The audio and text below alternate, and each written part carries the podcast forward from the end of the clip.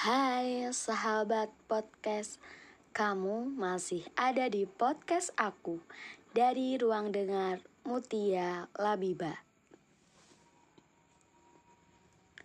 Kali ini aku ingin membacakan sebuah judul pada novel karya Wahyu Sujani. Uh, aku belum pernah sih baca bukunya, tapi aku begitu ingin. Karena begitu ingin, inilah ceritanya mencintaimu seperti kucintai Al-Quran. Aku suka sekali dunia sastra, apalagi kata-kata puitis yang tercipta dari para sastrawan. Untuk itu, bagian dari impian yang ingin kucapai adalah ingin menjadi seorang penulis novel atau puisi. Apa pun itu yang berkaitan dengan sastra, aku pasti sangat menyukainya. Aku menyukai dunia sastra semenjak kelas 8 MTS. Lewat perantara tugas bahasa Indonesia, aku menemukan sebuah novel yang sangat menggugah dan menginspirasiku. Judulnya Ketika Tuhan Jatuh Cinta karya Wahyu Sudiani. Sejak saat itu, aku begitu mengagumi karya-karyanya. Mulai dari sinilah aku bermimpi menjadi seorang penulis. Karya Wahyu Sudiani sangatlah religius. Ada makna tersendiri yang terkandung dalam setiap karyanya. Judul-judul novelnya yang ingin ku beritahu kepadamu di antaranya atas nama cinta. Ketika Tuhan jatuh cinta satu dan ketika Tuhan jatuh cinta dua.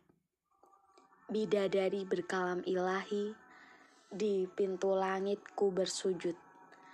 Nafas cinta para ahli doa. Kerudung cinta dari langit ketujuh. Rose in the rain. Ajari aku menuju arch. Dan mencintaimu seperti kucintai Al-Quran. Mencintaimu seperti kucintai Al-Quran, mungkin waktu itu kamu pernah menemukan sebuah cover yang bertuliskan judul itu di profil WA aku. Hingga kau menyangka profilnya kok ngeri mbak. Terus aku balik tanya, teng bagian pundi nggih?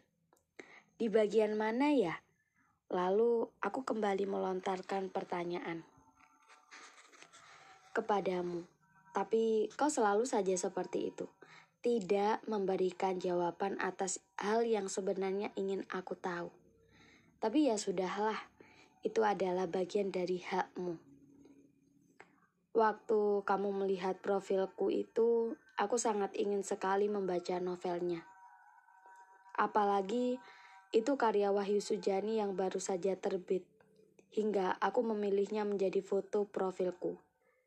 Sebab telah lama sekali Wahyu Sujani tidak menghadirkan karya terbarunya. Dan aku bahagia sekali waktu novel terbarunya terbit. Untuk itu, memilihnya menjadi foto profilku adalah salah satu cara mengungkapkan kebahagiaanku kala itu. Mungkin memang benar secara tidak sadar bahwa karya Wahyu Sujani ini seirama dengan perasaanku kepadamu waktu itu. Hingga kamu menganggapnya begitu ngeri. Maaf, aku telah menjadi pengganggu setia di hari-harimu. Tulisan ini hanya untuk memberitahumu tentang alasan kenapa aku memilih foto profil itu, sekaligus menjawab pertanyaanmu meski terjeda begitu lama.